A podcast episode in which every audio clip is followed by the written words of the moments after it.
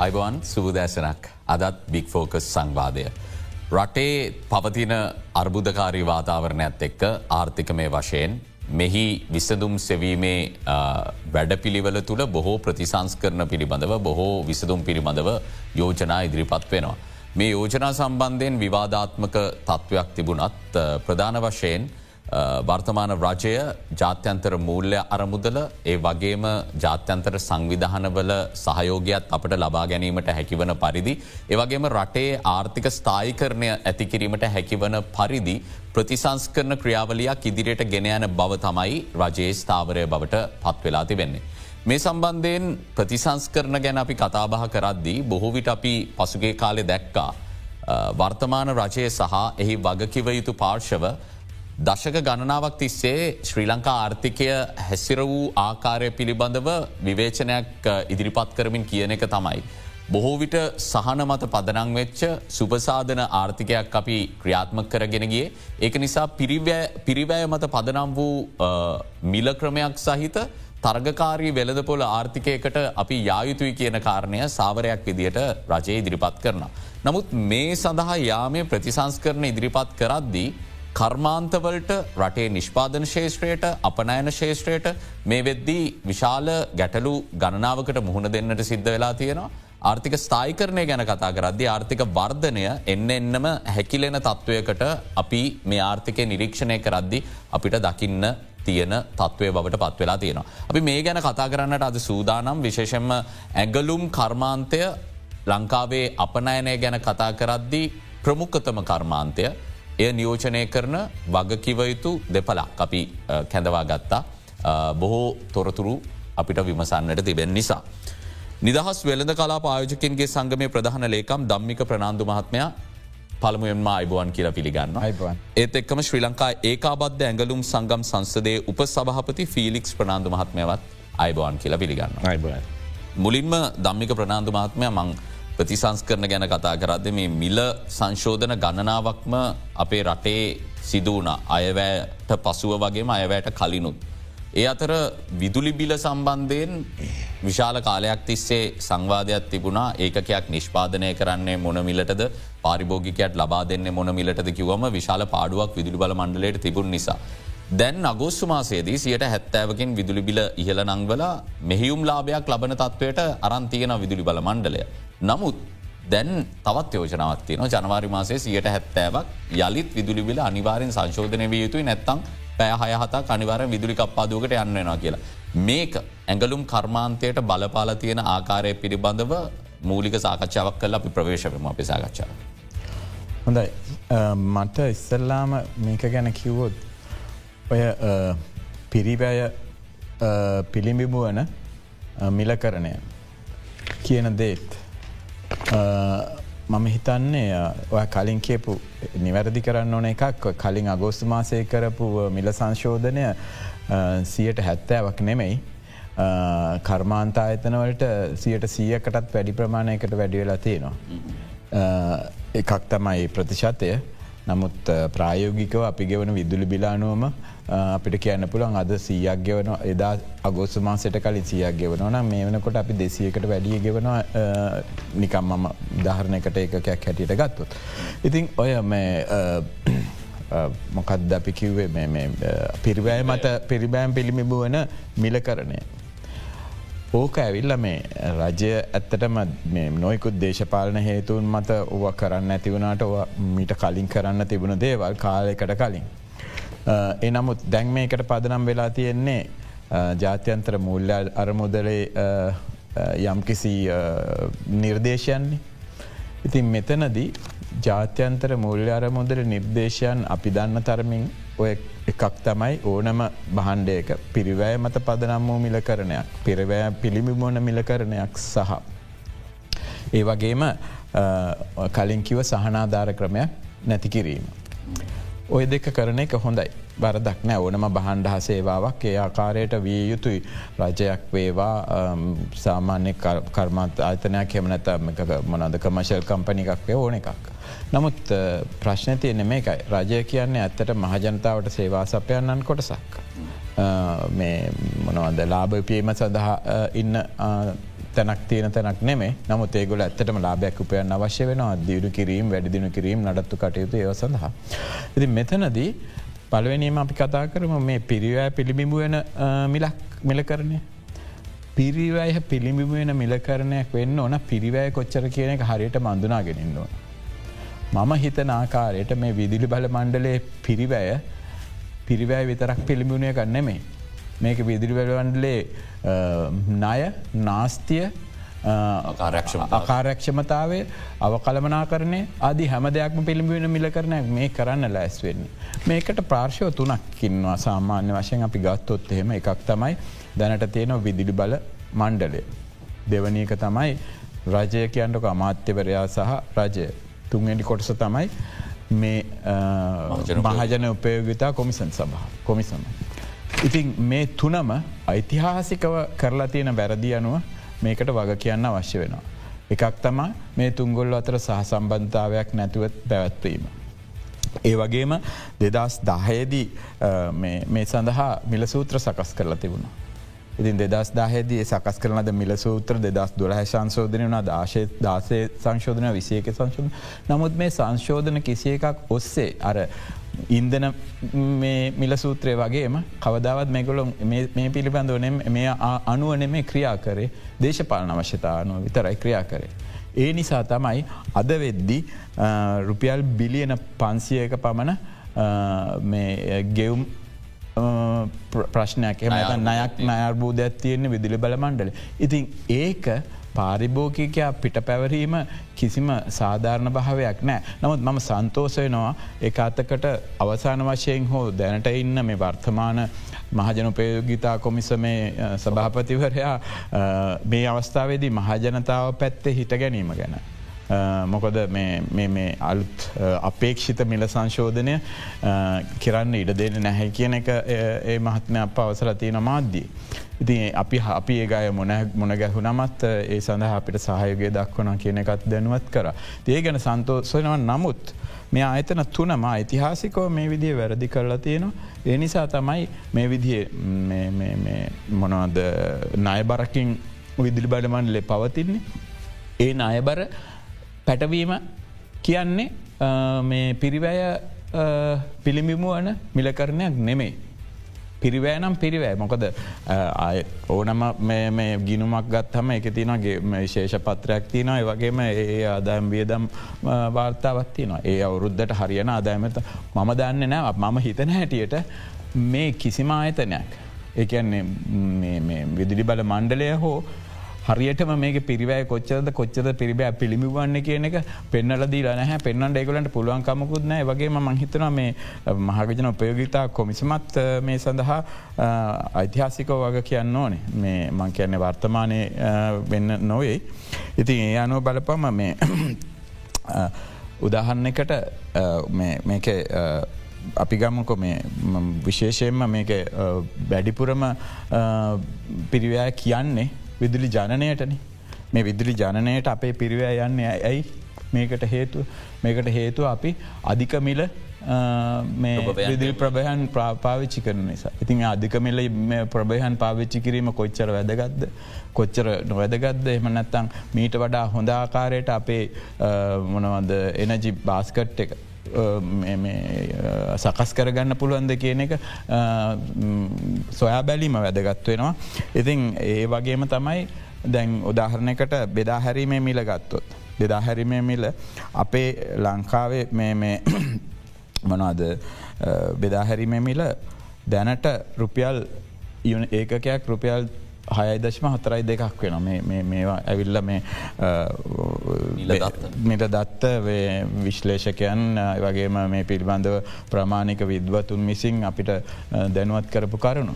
තින් ඒ අනුව ඒ නමුත් අපේ කලාපියව කලාපීය සාමාන්‍යයාගේ වෙන්නේ බෙදාහැරීමේදී කැන US ඇමරිකානු ඩොලර් සත එකයි දශම දෙකක් පමණ ඒකන රුපියල් ලින්ගත්තුත් රුපියල් හතරක් පමණ මේ වෙනකොට. අපි දමික ප්‍රනන්දු මහත්මය මේ ගැන ගැඹුරෙන් කතා කරමු සාකච්ඡා විදිරයට ඇද ම ෆිලික්ස් ප්‍රනන්දු මහත්නයට යොමු වෙනවා අපිට කර්මාන්තය ගැන් නිශ්ිතව කතා කරන නම් මේ අගෝස්මාසේදකර මෙතුම කියන සියට සියක් වගේ කර්මාන්තකරුවන්ට විදුලි බිල වැඩිවුනා කිය.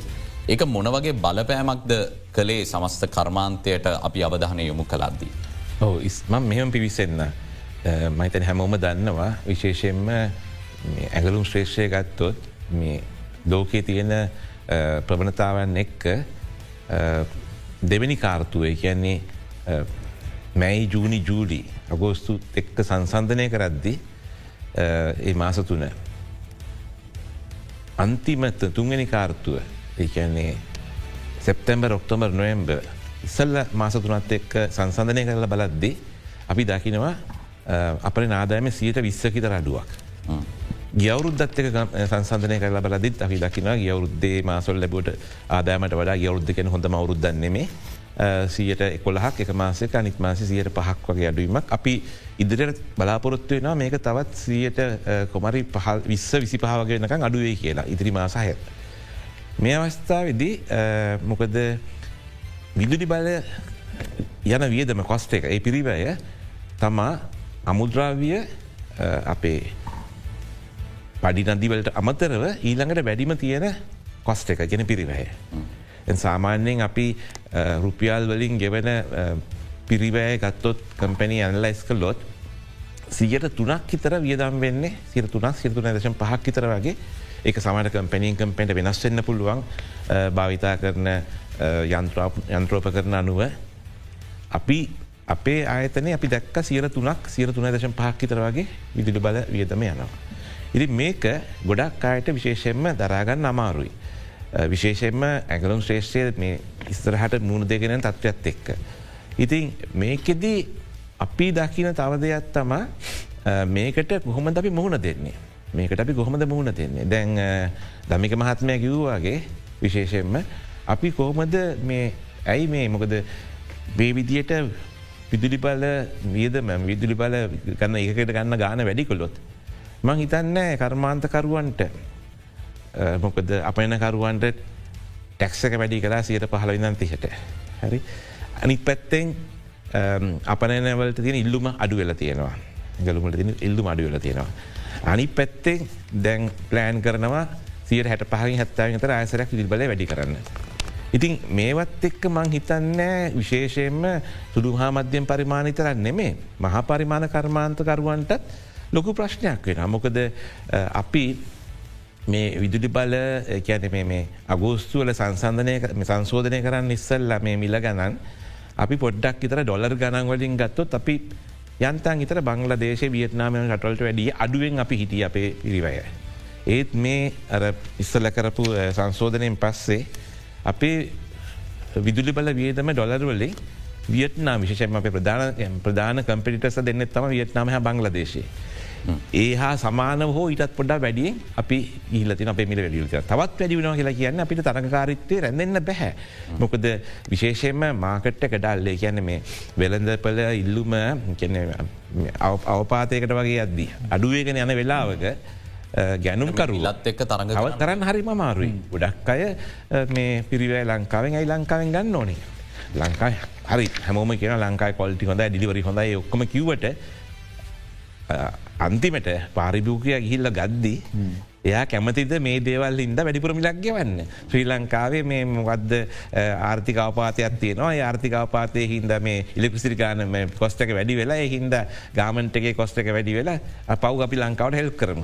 ඒ වගේ ඉති වැඩි මිලක් දිල ඇඳුම් ගන්න ඇඳුම් ගන්න ඉතින් මහිතන්න ඒ වගේ ශ්‍රද්ධාවන්තය ඉන්නවා කියලා පාර්ගය අතර. ඉතින් ඒක ඉතින් මංහිතන්නේ ඊට අමතරව දැ මහිතන්නේ මේ හපු නැති ප්‍රශ්නකටත්ම යන්න ඉති මේ දම්මික කිවට මං ඇඩ් කරන්න පොඩ්ඩ. මොකද අපි මහිතන්නේ පහුගේ ආණ්ඩුව පොරොන්දුවක් වුණ දැ අවුරු දෙකට වගේ සල්ල දෙදස් දිහවගේ වෙද්දී. අපි රිනිවබල් සෝසස් කියන එක. තියට හැත්තයක් දක්වා යුණු කරනවා කියලා. තාම සියට තිහක් වගේ තමා අපි ඒකැන්නේ මේ මිතාප විද්ද දීප්ත විදිලිය මොකද රිනිියබලට එන්න තව ඒ වගේ සූරිය බලය. ඉතින් ඒවලින් නිෂ්පාදනය කරන්න හොල ඕ සුල්ලං ඒවල්ට තාම සැකසුමක් සැලසුමක් නැහැ. අපි හැමදාම කතා කරන ඕක කියල පුනර්ජනීය කෝ දෙදස් රිනිබල් කියන සියට හැත්තවකට යන්න කිය ඉතින් පුළුවන් තරම් මේ මෙකොති දමව හැත කිව්වාගේ අර මේ බකට් එක ඒ බලස්කට මිශ්‍රණය මිශ්‍රණය තව එකක් තියෙනවා. ඇයි මේක වැඩි කරන්න ඕනේ. මොකද දැන් දෙදා මිස්සල්ල වැඩි කලාට පස්සේ අගෝස්තු මාස වැඩි කලාට පස්සේ අපි දන්න විදියට ඉස්සල්ලා දිමාන්ඩ එක ඉල්ලුමත් තිබුණා දවසකට ගිකවොට්ස් අවස් හතලි සටක අතලි සටක දැන් ඒක දෙසම්බර් දහනමේ තිස්සයි වෙනක අඩු වෙලා. අපි මෙතුමලගත් දත්ත තින මතන මෙතනම සාකච්ඡා කරලා ගියොත් ඕක ප්‍රේක්ෂකෙන් තේරුම් ගන්න ලේසිවෙයි මේ මහචන උපයෝගිත මෙතන මහජන උපයෝගිතා කොමිසම විසින් සකස් කරන ලද මේක ෆෝකස් කරොත්. සකස් කරන ලද මේ විදුලි බල ජනරේෂන් කියන්නේ ජනපාදනය පාදනය දෛනික ඉල්ලුම දෙදස් විසි දෙක වර්ෂය දෙසැම්බර් වෙද්දි. දැ ඔගලන්ට පේනවා ඇති මේක මෙහෙම මේ පල්ලහට බැහැගෙන ගිහින් තියෙන මහපොදුම විදිහට. ඉති මේ මොකද එන්න එන්න මේ විදුලි පාරිභෝගිකයන් විදුලි පරිහරණය නැතා විදුලිය උප ඔග කිරීම අඩුවෙන. ඕනම බහන්ඩයකවාගේම මිල ගනම් වැඩි වෙද්දි මිනිස්සු ගන්න නෑ. දැන් අපි කලින් ෆිලික්ස් කිව මේ අපිට අර ශ්‍රද්ධාවන්තය ඉන්නවාදයි කියලා අපේ ඇඳු මිලදී ගන්න වැඩිමිලත්දීලා නෑ. එහෙම නෑ. එතකොට මේක මේ අඩුවෙනවා දැ මෙහෙම අඩුවේගෙන අද්දිද මේ විදිරිබල මණ්ඩලේ ෆෝකාස් කරන්න මෙච්චර ප්‍රමාණයක් අවශ්‍ය වෙනවා කියන මට්ටම. දැන් මේක ඇවිල්ලා මේ ඇවිල්ලා මේකත් ඒ ආකාරයම මේ ග්‍රාෆ් එක. මේ ඇවරේ ජන අනි තෙමේ තියෙන්නේ. මේ ගිය අවුරුද්ධට සාපේක්ෂව මේ දෛනික විදිලි නිෂ්පාදනය උත්පාදනය. මේ බලන්න මේ තියෙන මේ අවුරුද්ධ ග්‍රාෆ් එක මේ තින ගිය අවුරුද්ධ ග්‍රාෆ් එක. ඉති මේ අනුව බලපුම අපිට දැන් මේ පෙනෙනවා විදිලිය බලය සඳහා වෙන ඉල්ලු මෙන්ඩෙන්ඩ අඩුවෙනවා. හේතුමකද දෙකක් තියෙනවා. එකක් තමයි මිනිස්සු මහජනතාව පුළුවන්තරම් අඩුවෙන් විදිලිය පාවිච්චි කරන දෙවනි එක තමයි ඕකෙම්ම පේරෙනවා කර්මාන්ත ශාලා වැටීගෙන යනවා. කුඩා හාමධ්‍යම පරිමාණ කර්මාන්ත ශලා වැහිගෙන යනවා. ඒම නැත්තම් මේ විදිහ ජනනය මෙච්චර ඩිස්ක්‍රී ඩික්‍රිස එකක් වෙන්න විදින්න ආර්ථික සංකෝචනය ආර්ථික සංකෝචන පෙනෙනවා පෙනෙනවා මේක. ඒක පේනවන මොකද විශේෂෙන්ම GDP එකත් ඒවසට සාපේක්ෂෝ සියට එකොල් හකින්තකුවෙද මහිතන්නේ අඩු වෙලා තිීරව කියල. ඒ කියන්නේ හැම කරුණක්ම බලපානවා. අපි තවදුරටත් කතකර දමික ප්‍රනන්දුමතුමට පැහදිලි කරගන්න ඕනේ මෙතුමත් අපේ කලාපීය වශයෙන් තියෙන විදුලි ගාස්සු අතර සංසන්ධනයක් කර. අපක සවිස්තර පැහදිලි කරගන්න ලංකාවින්න කොතනද? මේ කලාපේ අපිත් එක තරඟ කරන සෙස්සු අපනෑනය කරන රටවල්වල විදුලි ගාස්සු මොනවගේ තැනකතිය. මේ තියෙන්නේ මට ඇක්තටම අපේ වන දොතෝරිටස් ෆිලෙක්ටසිටන් ශ්‍රී ලංකා මේ ලංකාවේ ඉන්න බොම ප්‍රාමාණික විද්බතෙක් වන ආචර සීමල පිටි මැත්තමයිසි මට සකස් කරල දු හරි මේකට අනුව බලන්න දැම් මේ තියෙන්නේ සාමාන්‍ය කර්මාන්තශාලා සඳහා මේ ඉන්ඩස්ට්‍රීස් ඉන්ඩස්ට්‍රියල් කස්ටමස්ලට කලාපියසා ලෝ ගෝලිය වශයෙන් කරන ලද සංසන්ධනය කිරීම. දැන් එත එතකොට මෙතන තම මේ රතුපාටෙන් පෙන්වන ශ්‍රී ලංකාවන්න. හරි මේ බලන්න මේ තියන්නේ අපේ තැන. වියට්නාම මෙතන ඉන්නේ. මං මේ හයිලයිට් කරලා තියෙන හැමතැනක් හැම එකක්ම අපිට වඩ අඩුයි. නේපාලේ ඕමානය දකුණු කොරියාව.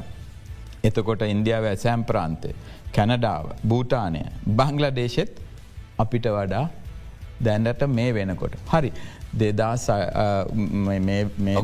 කලින් අඩු දෙදස් සටය අපි අර කලින් කියපු මොකක්ද සබ්සිඩී සානාධාර ක්‍රමයට කර්මාන්තවලට සබ් විදිලි සැපෙව්වා. නමුත් දැන් මේ අගෝස්තු මාසෙ මිල සංශෝධනත් එක්ක කර්මාංශාලාවල් තවදුරටත් සහනාදර විදුලි මිලක් නැහැ. දැන් අපි සමහර තරඟකාරී රටවල්ලුත්වලටත් වඩා වැඩියෙන් විදිලියට ගෙවෙන ගෙවනවා. එනිසා මේ තවදුරටත් කියන්නට බැහ මේ ගොලන්ට මේ අඩුවෙන් විදුලිය දෙනවයි කියලා මේ ගොල්ලන්ගේ නාස්තිය වහගන්න. දැන් මේක තමයි ග්‍රවන්් එක පොලොය සත්‍යය ග්‍රවන්් රියලිටි හරිද.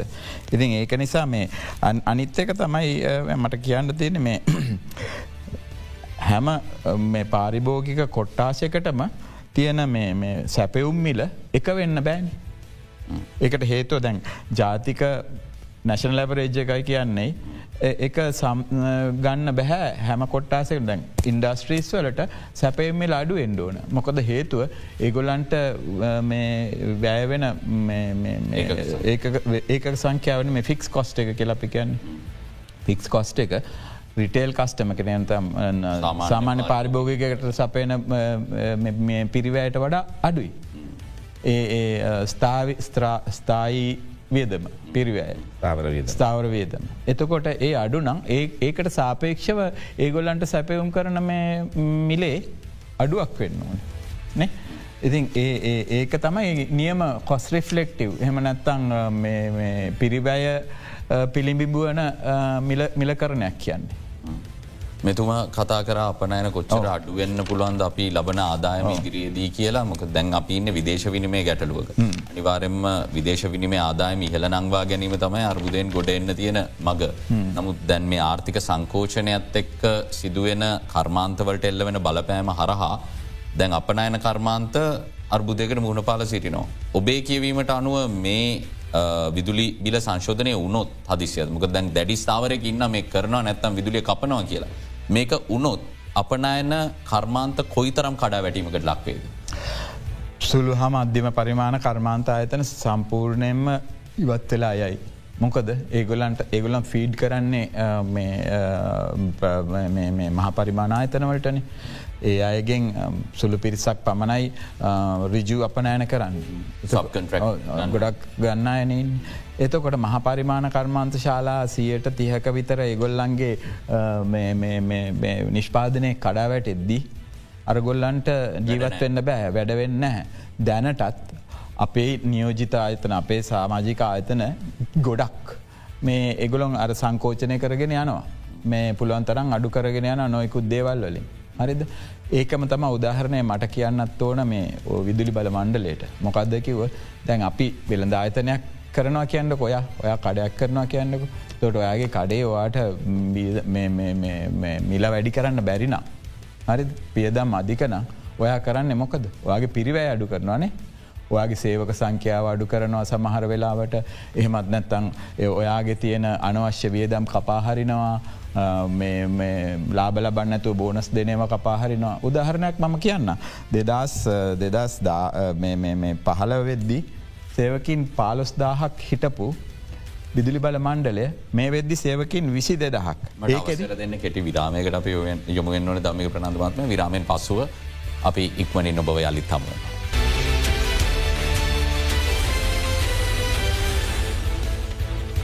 ඔබ අලිත් බික් ෆෝකස් සමගින් යෝජිත විදුලිබිල සංශෝධනයක්ත් එක්ක විශේෂෙන්ම අප රටේ ප්‍රධානතම අපනෑන කර්මාන්තයක් වන ඇඟලුම් කර්මාන්තය දැනට මුහුණ දෙන ගැටලු වගේම ඉදිරියේදී තියෙන සංශෝධනය සිදු වුණොත් මොනවගේ තැනකට මේ අපනෑන කර්මාන්තය යයිද කියන කාරණාව ගැන අපි පැහදිලි කර ගනිමින් සිටින්නේ අපිත එක දෙකතුවෙන් නිදහස් වෙළඳ කලා පායෝචකින්ගේ සංගම ප්‍රධානලේකම් දම්මික ප්‍රනාාන්දු මහත්මය වගේම ශ්‍රී ලංකා ඒක බද්ධ ඇගලුම් සංගම් සංසද උපසභාපති ෆිලික්ස් ප්‍රනාාන්දු මහත්මය.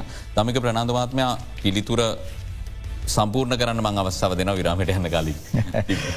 අපි කියාගෙනගේ අපි දැන් කොහොමද අපේ පිරිිය අඩු කරගන්න කියලා. නමුත් මේ අය රාජය ඇතුළු විදුලි බල මණ්ඩලය කොහිම අවස්ථාවකවත් පොතනකවත් හරි විදිහට කියන්නේ සින්සියලි අවංකව අවංකව මහජනතාවත් සමඟ පාර්දෘශ්‍ය වෙන්න අපි කොහොමද අපේ පිරිවැයි අඩු කරගන්නේ කියලා අමාත්‍යවර කොහෙවත් කියලන එදඊයේ පත්තරවල තිබුණ එක්දස් එකසියක් දෙෙන විශ්‍රාම ගන්නනවා කියලා. ඉදස් එකසිය දෙනක් විශ්‍රාම ගන්නවා කියන විසි දෙදාහකින්නේ. විසිදහයකින් නිකන් පොඩි මුහදෙන් වතුර බාල්ධයක් ගන්නවා වගේ වැඩක්. ඒක ඉතින් ඒවා විශ්‍රාම ගැන්වත් ඒයට සියට අසුවක් තර මහිතන මේ වැටුපෙන් සියට අසුවක් තර විශ්‍රාමයටුප් ගෙවෙනවා. ඒ එක කතන්දරයක්. ඒ වගේම තමයි මේගොල්ලන්ගේ ඓතිහාසික පාඩු. මේවා කරගන්නඩ හේතුවුණු කාරණාව හැම දෙයක්ම දේශපාලන තිීන්දු. දැන් ඒවට ජනතාව සහ මේ ඉන්ඩස්ට්‍රිස් වග කියන්න ඕන කියල මේ ගොල කියන්නේ. ම මේ ප්‍රශ්යන්නේ දෙපළගෙන්ම. දැන් මේ කියන කාරණය පිටිපස්සේ තියෙනවා. ඔවුන් කියන්නේ සමස්ථ ආර්ථිකය අරම් බලන්න ඕන මේ පිරිවැය මත මිලකරණය කියන එක පමණක් මේ වෙලා අරං හරියන්නේ නෑ කියලමකොද ණය බරක් තියන ඔබතුමා කිව්වාගේ. එතකොට බැංකු පද්ධතිය මහජන බැංකුව ලංකා බැංකුවෙන් වගේ සීබ එක අප්‍රමාණ ණයකන්දක් අරගෙන තියෙනවා. ද මේ වෙද්දි ලබන අවුරුද්දේ අමතරව රුපියල් බිලියන දෙසිය හැත්තෑවත් තුන්සියත් අතර මුදලක් අවශ්‍යයි කියල කියනවා මේ මෙහිවුම් අකණ්ඩව කරගෙන යන්න. මේ මුදල් එන්න තැනක් විකල්පයක් නෑ කියන එක තමයි කියන්නේ මම කියන කතා වහන්. එතකොට ඔවුන් කියන්නේ මුදල් අච්චු ගහන්නත් බෑ උද්ධමනකාරි වාතාවරණයක් මත තවදුරටත්. ඒ නිසා අපිට මේ ණය ගෙවන්න පුළුවන් ක්‍රමයක් ඔය විදුරි බිල සංශෝධනය කරන්න එපා කියන සිරම දෙෙන හැනම් ඉදිරිපත් කරන්න කියලා. ඒක ගැන කෝම අපි කතාගන්න. ඇත්තටම ඒක ගැන ඕනාවටත් වඩා ප්‍රාමාණික විද්වතුන් මේ මාධ්‍යවල කියලා තියෙනවා ඒවගේම මාධ්‍යවලින් දැනුන්දී ලතියෙනවා රජයට කෙලින්මත් දැනුවත් කරලා තියෙනවා. මම හෝ ෆිලික්ස් විදිලි බලය සම්බන්ධයෙන් විශේෂක්ඥයෝ නෙමේ. නමුත් ඒ සම්බන්ධයෙන් අපේ තින ප්‍රමාණික දැනුමට අනුව අපිට කියන්න තින් දේවල් තමයි ඉස්සල්ලාම ඔය කලින් කියපු විදිහට පිරිවය අඩු කරගන්න කොහොමදේ කියන එක වෙරද ආයතනයක් වුණහම අපි බලන හැමතිසෙන් පිරිවය අඩු කරන ක්‍රමවේද මොනවාද කියලා. අපිට යෝජනා කරන්න කියන්න කලින් ඒගොල්ලොන් කියන්න වේගොලොන් කරපු දේවල් මොනවදයි කියලා. හරි? දැ මම මේ කලින් කිව සේවකෙන් පාලොස් දහ කිටපතන සේවකින් විසිදහක් වනේ මේ ජාල පද්ධතිය වර්ධනය කිරීමෙන්ද? එහෙමත් නැත්තං මේ මොනද මේක ප්‍රාරිභෝගික් සංඛ්‍යාව වැඩිවීමෙන්ද.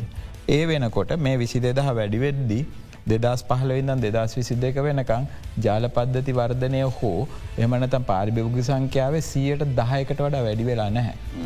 එහෙමනම් ඉදිරියේදී මුණ දෙන්න බැහැ කියන්නේ මොනව වැඩි වෙනවටද? ඩිමාන්ඩ එක වැඩි වෙනවද? විදුලියට තියෙන ඉල්ලුම වැඩි වෙනවද? දැම පිසියගෙන්ම කියලා තියෙන ඩිමාන්ඩ එක අඩුවගෙන නොයි කියලා. එතකොට මොනවටත් මෙහ වැඩි කරන්නේ. මේ වැඩි කරන්නේ වෙන මොකොටවත් නෙමේ මේ යම්කිසි දේශපාලනයක හේතු සහ අනිත් තැන්වලින් එන පාඩු මකා ගැනීම ඒ වගේම වංචාව දූෂණය නාස්තිය. වහගන්න තමයි මේ අඩු පාඩු වහගන්නතම මේ දේවල් කෙරෙන්නේ කෙනෙ එකතම අපිට මහජනතාව හැටියට හිතන්ට තියෙන්. වෙන වෙන ආකාරයක් නෑ අපිට හිතන්න උදාහරණයකට දැන් හැමෝම දන්න ප්‍රසිද්ධ රහසත් තමයි මේ අර ඉමජන්සි අදිසිමිලදී හලි සාදිසිමිලදී ගැනීම් කාටද වාසිදායක වෙන්නේ කියලා.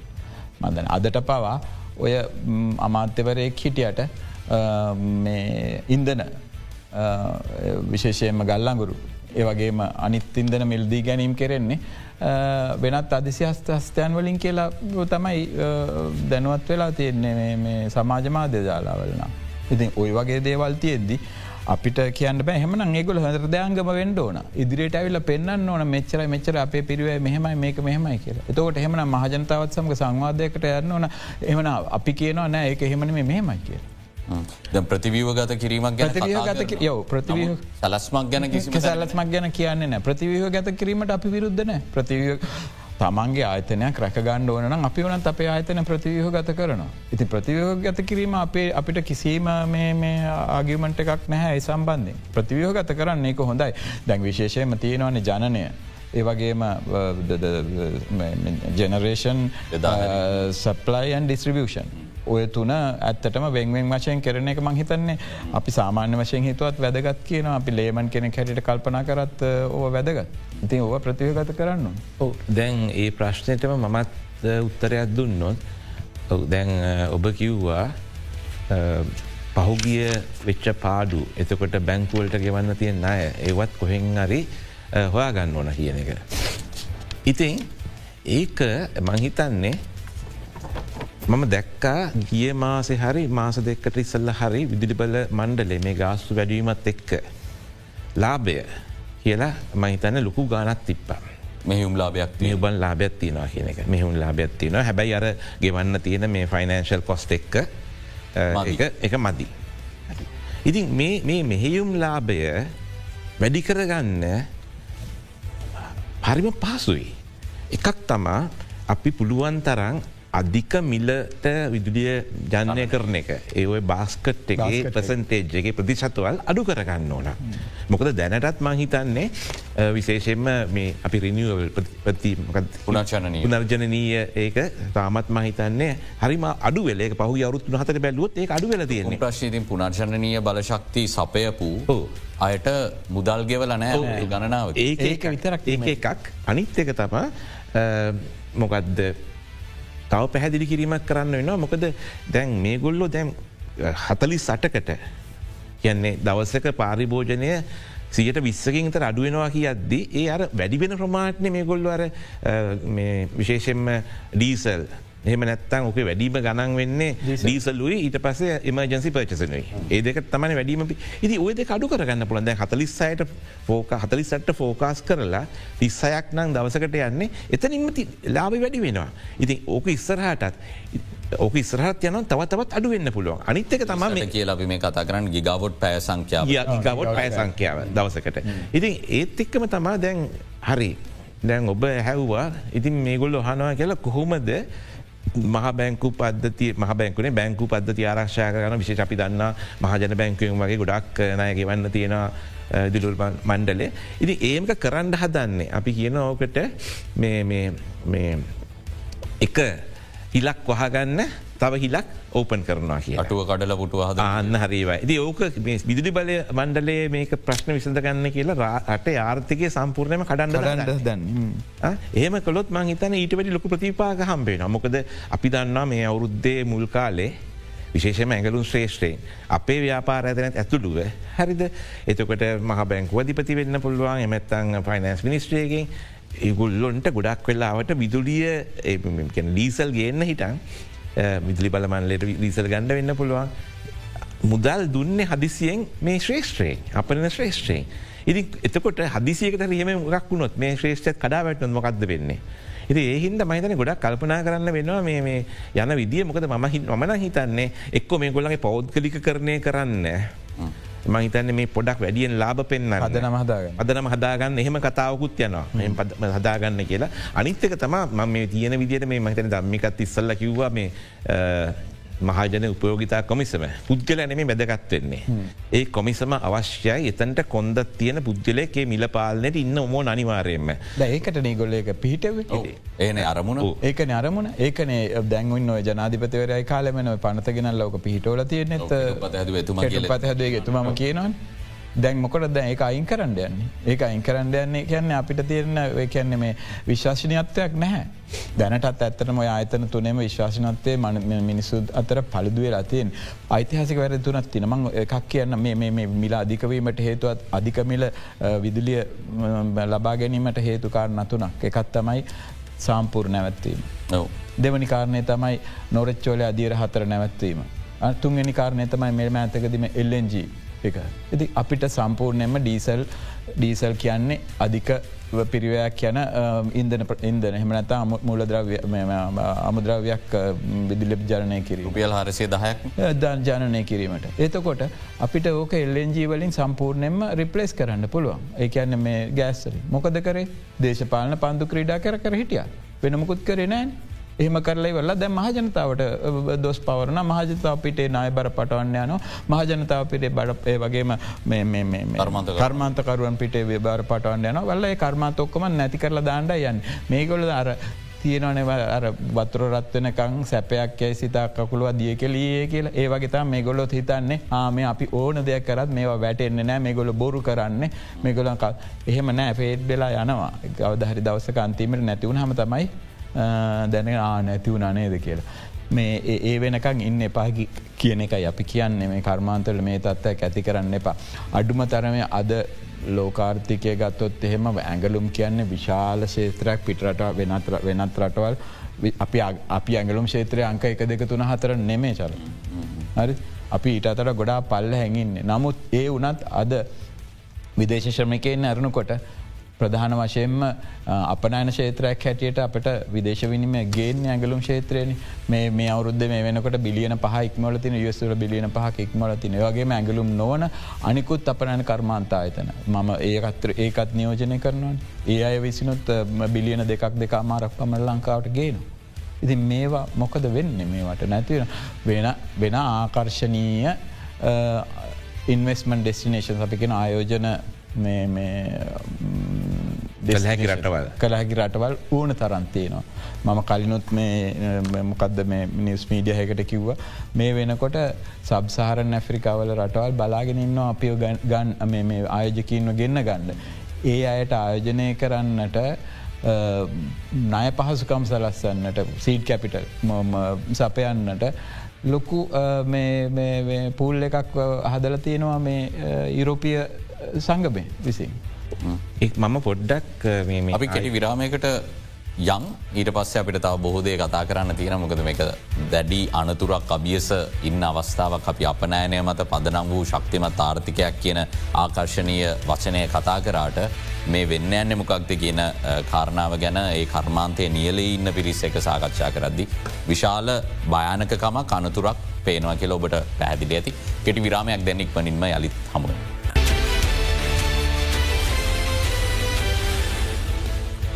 ඔබ යළිත් බික් ෆෝකස් සමගින් දමික ප්‍රනාාන්දු මහත්මය දැන් එක පැත්තකින් විදුලි බිල වැඩි වෙනවා. ඒත් එක්කම ආර්ථික සංකෝචනයක් සිදුවෙන. නමුත් බදු ප්‍රතිපත්තිය ගත්තර පස්සේ සියට පහලවක තිබුණු අපනෑන සඳහය කෙරුණු බද්ධ සියට තිය දක්වා වැඩි කර. එතනදිත් ඔවුන්ගේ ස්ථාවරය කියලම ප්‍රශ්යන්න උන්ගේ ස්ථාවරය තමයි පොදු බදු ප්‍රතිපත්තියක් තිබිය යුතුයි. අපනයන කරුවසියට පහලවක් ගෙවල නිෂ්පාදනකරුවසියට දහටක් ගෙවනවනං. එතන අඩුවෙන සංඛ්‍යාව කාගෙන් හරි ගන්න සිද්ධන. එතකොට යම්කිසි කර්මාන්තයකට එතනදී අගතියක් සිදුවෙන බදු ප්‍රතිපත්තිය තුළ. එනිසා අපනයනවලට එවැනි දෙයක් අවශ්‍ය නෑ කියන කාරණාව ඔය අයවැෑ කාලය අපි ප්‍රශ්ට කරද්දි කියවූ ස්ථාවරය. මේ ස්ථාවරයත් එක්කම ඔබතුමාලට එන්න බලපෑමත් එක්ක කතා කරද්දී ඔබේ ස්ථාවරයවකන්ත. දැන් අපි කලින් සාකච්ඡා කරපු කාරණයටම ඇටත අන්ඩ වෙන. මොකද කිවොත් අපි ඇගලම් ක්ෂේත්‍රය වගේම අපනෑන ක්ෂේත්‍රය නැත්තං විවෘතාර්ථිකයේ ආරම්භ කරලා දෙ නිදහස් වෙල්ද කලාප පටන්ගත්දී. ආයජකින්ට තිබුණු ඉන්සෙන්ටිවස් මනොද මේ සහන අපි තිබුණු ඉරිගැන්වී දිරිගැන්වීම්. ආයජකින්ට රටේ ආයෝජනය කරන්න තිබුණු දිරිගැන්වීම් මොනවද. එකක් තමා දීර්ඝකාලින බදු සහන. ඒ වගේම ආනායනය කරන අමුද්‍රව්‍ය ආදී දේවල් සඳහා තිබුණු ටරිෆ් එක නැත්තමනද කස් ඩියුටි ඩියුටිය අඩු අඩු හෝ නැතන් සීරෝ තිබුණ එක. ඒවගේ තවත් දස් කල තබත්දෙන් නිදහස් කිරීම තවත් එවැනි නොයකුත් දේවල් තිබුණා. ඒවගේම අනිත්තක තමයි ඉන්ෆ්‍රස්ට්‍රක්ෂ කියන්න අවශ්‍ය කරන මේ යටිතල පහසුකම් නිසි පරිදිසකස් කරදීම ආදී දේවල්. එතකොට ඒ ඒ පැත්තෙන් දැන් ආයෝජන කලාප ඒවගේ මැඟලුම් කර්මාන්තය මේ රටේ යම් කිසි ප්‍රමාණයකට වර්ධනය වනයින් පස්සෙන්දී රජයේ ප්‍රතිපත්තිය IMF එක උපදෙසුත් අනුව වෙනස් වේගෙන උදාහරනකට ගොල්ල ඊට පස්ස අවධානය යොමු කර මහා පරිමාණ ව්‍යාපෘති සඳහා ආයෝජනය. එකන්නේ ඉන්ෆ්‍රස්ට්‍රක්ෂ ප්‍රජෙක්සල්ට ආයෝජනය කිරීම ආදී දේවල්ලට මේ මේ කර්මාන්තකරුවන්ම අමතක කරලා. ඉති ඔහොමොහොම ගිය. නමුත් එකකින්වත් දැන් අපි ලංකාවට අවුරුද්ධකට ඔය කියන්න හිතමු ගේන්නේ මේ රුපිය දොල බිලියන දෙකතුනක ප්‍රමණ ප්‍රමාණයක් කියලා මේ ආයෝජන? ආයෝජන. ආයෝජන. ආයෝජන. හරි. නමුත් දැන් වියට්නාමේ වගේ රටවල් බංගලදේශ වගේ රටවල් ඉන්දියාව වගේ රටවල්වලට අපි වගේ දහ සියගුණයක් මේ ආයෝජන යනවා. අපිට එන්න බොහොම සොච්චන් ආයජන ප්‍රම මට ඒත් පහුගේ දවස්සල මේ ජනාධවත්තුමාගේ අර මොනවද බජට්ම අයවෑ කතා. අයවය ප්‍රතිපත්ති වලදි කියපු දෙයක් දැකල මට හිනාගේ මොකද ආයෝජන මණ්ඩලට දීලා තියෙනවා මේ ඉලක්කයක් ඩොල බිලියන තුනක ආයෝජනගේන්ඩි කියර ලංකාවට. ඉතින් ඒක හරි විහිලු සාගතක මොක දොර බිලියන තුනක් කියන්න ඇත්තටම ටාගට්ය ගන්නෙමේ ඔවිද අපරල ඉන්ඩස්ට්‍රේක හොයන ගන්න අපේ අපේ රටට ඒන ආයෝජන ගේනුන් තුන නෙම තිහක් කිවන ගන්න ටිකක් සාධාරණ වෙයි. මොද එතකොට හරි ඒ කියන තුනගේන්නෙත් නෑ මොකද එතකොට හරි ඒ ටික මොනහරි උනන්ද වෙලා තමගේ රස්සාාව ගහලයනවා කියලා හරි උනන්ද වෙලා මේ මටික් ගේන්ඩ පුළුවන් දෙක නමුත් ඕතන මං එන්න ගියේ කාරණය මේකයි. උත්තන්ට එන්ඩ අපේ මොනවද තියෙන ආකර්ශණය මේ රටේ තවදුරටත් මොනවද තියෙන ආයෝජන ආකර්ශණය. එතකට මේ ඉන්න ආයෝජකයටත් සියට තිහක් බදුග හලා හැමෝම ලෙවල් ඕකන ලෙවල් පලයින් ෆිල් කියලන ලෙවල් පලයින් ෆිල්ඩ එකට ගේනවා කියලා. එතකොට මේ රටට විදේශ විනිමයගෙන් ආයෝජකයයි ඒවගේම රටේ සංසරණය වෙන එමනත රටේ තුළ ව්‍යාපාර කරන අයගේ අතර වෙනසක් ඇති කරන්න අවශ්‍ය නැද්ද. අනිවාරයම රට විදේශ විනිම අවශ්‍යනගේ විදේශ විනිමය වලට අපි දෙන්න ඕන ඉන්සෙන්ටිවස්. ෆිලික්ස් ප්‍රනන්දුමත්ම එතනද කියන තවතර්කයක් තමයි දැන් දෙදස් දහනම දෙසැම්බර් මාසකරපු බදු සංශෝධනයෙන් GDPගෙන් සියට අටක් විතර ප්‍රතිශතයකට අඩු කරගත්තා රජයේ බදු ආදායම. ඒකන්ද දැම් එක සියට දොළහ දශම් පහකට විතර වැඩිකර අලුත් ඉන්ඩන් රෙවනිව් ඇක්ටෙක් ගෙනාවට පස්සේ ආදායම් පනත. මේක සියට පහලවකටම ගෙනියන්න ඕනි කියන එක තම අපට දීල තියෙන ඉලක්කය ජාත්‍යන්ත්‍ර මූල්‍ය අරමුදල ඇතුරු ඒ ජාත්‍යන්ත්‍ර සංවිධානත් එක් කතා කරත්. තුට දළජාතික නිෂ්පාදනෙන් සියට පහලවක බදවාදායමක් උපයන්න නං කරන්න පුළුවන් වෙන ක්‍රමනාද කියලාහනවා ඊට පස්සෙ කතා කරන්න ගියාම ඒ ගැන උත්තරයක් දුන්නත් අපි. ඔහු සියර පහලන්නේ මේ මොකද අවුදු කීපයකට කලින් මහිත එදසමස අසුව එක වගේ වෙද්දී. අපේ දළජාතික ආදායමෙන් සියර දාහතක් වගේ හම්පුනේ බදු ආදායමි. හරි ඒක පොඩ්ඩ පොඩ්ඩ අඩුවෙලා ගිහිල තම ඔය කිව්වාගේ දෙදස් දහනයෙන් පස්සේ ෆයිල් ලක්ෂ දාසයක් වගේ තිපිච්ච බදු ගොන්නු මහිතන්නේ ලක්ෂ තුනාමාරකට හරි දෙකාමාට හරි වගේ දි තැන් අඩු වෙලා තියෙනවා. ඉතින් මං ඔබ මුලින්ම මේ දම්මෙන් හා ප්‍රශ්න උත්තර දෙන්නම් මොකද ඒක මේ බදු ප්‍රතිපත්තිය ගොහෙන් දැයි හැමෝටම අපි තරගකාරිත්ව වෙන පලක ඉන්නේ. මොකද අපි බලන්න විශේෂයෙන්ම අපි අපිට තියනදේ අපිට තියෙන ආයෝජන අපිට තියෙන ඉන්කම් එක ආරක්ෂා කරගන්නවද ඒක නැති කරගන්නවද කියන එක. අපේ කලාපේ තියෙන හැම රටක්මෝ වගේ. ඒගුල්ලෝ ටෙක්ස් රේටස් හැමෝටම සමාන නැහැ. මොකද සමහර අයට සමහර කර්මාන්ත් පුද්ගල ටැක්ස එක එතකොට සමහර ආයතනවලට වැඩිපුර ටෙක්ස් රේට් එකක් බංලා දේශ ගත්තත් ඉන්දියාව ගත්තත් වියට්නාම් කම්බෝධවය ගත්තත් ඒවල අප නෑන හා සමහර කර්මාන්තවලට අඩු ටැක්ස එකක් තියෙන්නේ. මොකද මොකද හරි ලේසි අපිතුම සිල්ලර කඩයක්. තම් ඉම්පෝට් සැලින් කැනෙම කොහෙන් හරි බඩු ගැල්ල විකුන්නවා ද විදාහරින රට අනවාශත් බඩු. ඒ කරන කෙනා ගන්න මොකක්ද රිස්ක එක අවධානම හරි අඩුයි. රිස්ක එක අඩුයි. නිෂ්පාදනය කරලා වෙන රටකට අපනනය කරලා. ඒ ගන්න රිස්ක එක අවධානම ගොඩක් වැඩි. ඉති එහෙම වැඩි අවධානමක් ගන්නවා කියලා කියන්න ඉගෙන් දෙකක් වෙනවා. ලංකාවේ නම යනවා. ලංකාව මේ නිෂ්පාදනවලට හොඳයි. අපි අපනය කරන විදේශ විනිමේනවා ඉතින් අපි ඒගොල්ලන් නැත්තම් අපන ශ්‍රේෂයෙන් කට්ටියම අයිංගල ගියොත් මොකද වෙන්නේ? විදේශායෝජකය ති නමක දිස්ස දම කිව්වගේ විදේශ ආයෝජකය ගොඩක් ඇවිල්ල ඉන්නවා. මේ පුලින් දුන්න සහන හින්ද. හරි? ඉ දැන් ඒගුල්ලු කියන්න ඒගොලත් බොරු කාරය වෙනවා. මොකද එතකට කවරුවත් දැන් පුංචි දැන් පහුගේ අවුරදු හතලිහටම අවුරදු හතලියකට හරි තිස්පහකරයි ලංකාවට ඇවිල්ල තියෙන්නේ FDI ගැන ආයෝජන ආයෝජන ඩොලර් බිලියන විස්සයි. අවුරදු තිහකට වගේ ඇවිල්ල තියෙන ඩොලර් බිලියන විස්ස. විස්සක් හරි විසි අටක් වගේ හරි. කොහමත් ගොඩක් කවරුදුල ඩොල බිලියනයක්ත් අවුරුදර එන්න අවුද්ධ කර එන්න හැ. හරි සමහර අවුදුර පොඩ වැඩියුණු හම්බන්තොට මොකක්ද පෝට් එකට ඒ වගේත් එක්ක. ඉතින් අපිට කරන්න තියෙන මොකක්ද. අපිට කරන්න පුළුවන් දේවල් ගොඩත් තියෙනවා. මේ බදු ගොුණු අපි කියන්නේ එකට කියන්න මේ කරක්ෂණ දූෂණය දූෂණය ඒවගේ මතම අකාරක්ෂමතාවය. හරි කොච්චර තියෙනද බදු දැල නෙට් එක විසුරුවන්න ඕන. කොච්චර ඉන්නවද බදු ෆයිල්ස් මේ ටෙක්ස් ෆයිල්ස් නැති අය. ඉතින් මේ මේ පව් අපරාධ මේ ගොඩක් වෙල්ලාවට මහපරිමාණයෙන් සමාගම් සහ ඒවගේ මතම ෘතිකයෝ ප්‍රෆෙෂනලස්ලා ඒගොල්ලු අල්පයක් ඉතරයි මේ බදු දෙලට අහු වෙල තියෙන්නේ. මොක දර උපයන විටගේම යනවා. ඒක අනිවාර්යම වෙලින් මෙයාවෙනවා. ඒ තීට අමතරව ගොඩක් ෘතිකයෝ ඉන්න ගම්වශයෙන් කිවෝත් නීතින්‍ය ෘතිය වෙන්න පුළුවන් ගනකාධිකාරවරු වෙන්න පුළුවන් එමතම් විශේෂඥ වෛද්‍යවරු වෙන්න පුළුවන් ටියෂන් මාස්ලස්ල වෙන්න පුළුවන් සමාර ටියෂන් මාස්ලස්ලගේ මාසික ආදායම ලක්ෂ මිලියන පණහා පන්නනවා. රුපියල් මිලියන පන පනා පන්නනවා. කොහෙන්ද මේ කෝඩ් වෙන්නේ එතකට අපි පිටකොටුවේ එහෙම නැත්තම් වෙන නගරවල තියෙන හෝල් සේල් තොගොලෙන් දාම් කරනයි. ඇයි මේ මංහිතන්නේ අපි හැමෝම විශේෂයෙන්ම රාජ්‍ය සේවේත් ගොඩක් අය නිලධරත්පන්තය ගත්තත් ඒගුල්ලො කියන හරනික පඩි වැඩ කරන්නාව උද හොඳ මුදාහරන තම මහිතන හර්ෂද සිල්ල කරපු ඉන්ටවියගේදී ෆිනස් මිස්ටික ෆිසිස්ල හන කොහම දොකල මෙත් මෙම ටාව කියලා. මෙච්චර බදු ගන්න පුළුවන් වේ කියලා. කාට උත්තර දෙන්න බෑ. ඇහව. ඒකුල්ලන්ට මහිතන්නර ගතානු ගතිකව නිකන් උදේට ඇවිල්ලා හවසට යන්න පඩි හම්බෙන පෙන්ෂණ කාමෙන පෙන්ෂන් කියට පස්සේ එතනින් එහාට මෙ රාජ්‍යන්සේ තනීම ගන්නව කියන ගන්න මේක ලේසි. අපි මනට මහන්සිවෙන්න මේ හරි. ඉදි අපිට කාලවේලා වරස්සෙන දේවල් කතා කරන්න තියෙන රටේ ආර්ථිකය සහ කර්මාන්ත මුහුණ දෙන අභියෝග ගැන කතා කරදි මොකද කර්මාන්ත මේ තරං අභියෝගවලට මුහුණ දීපු කාලසීමාවක් තවත් නැති තරම්.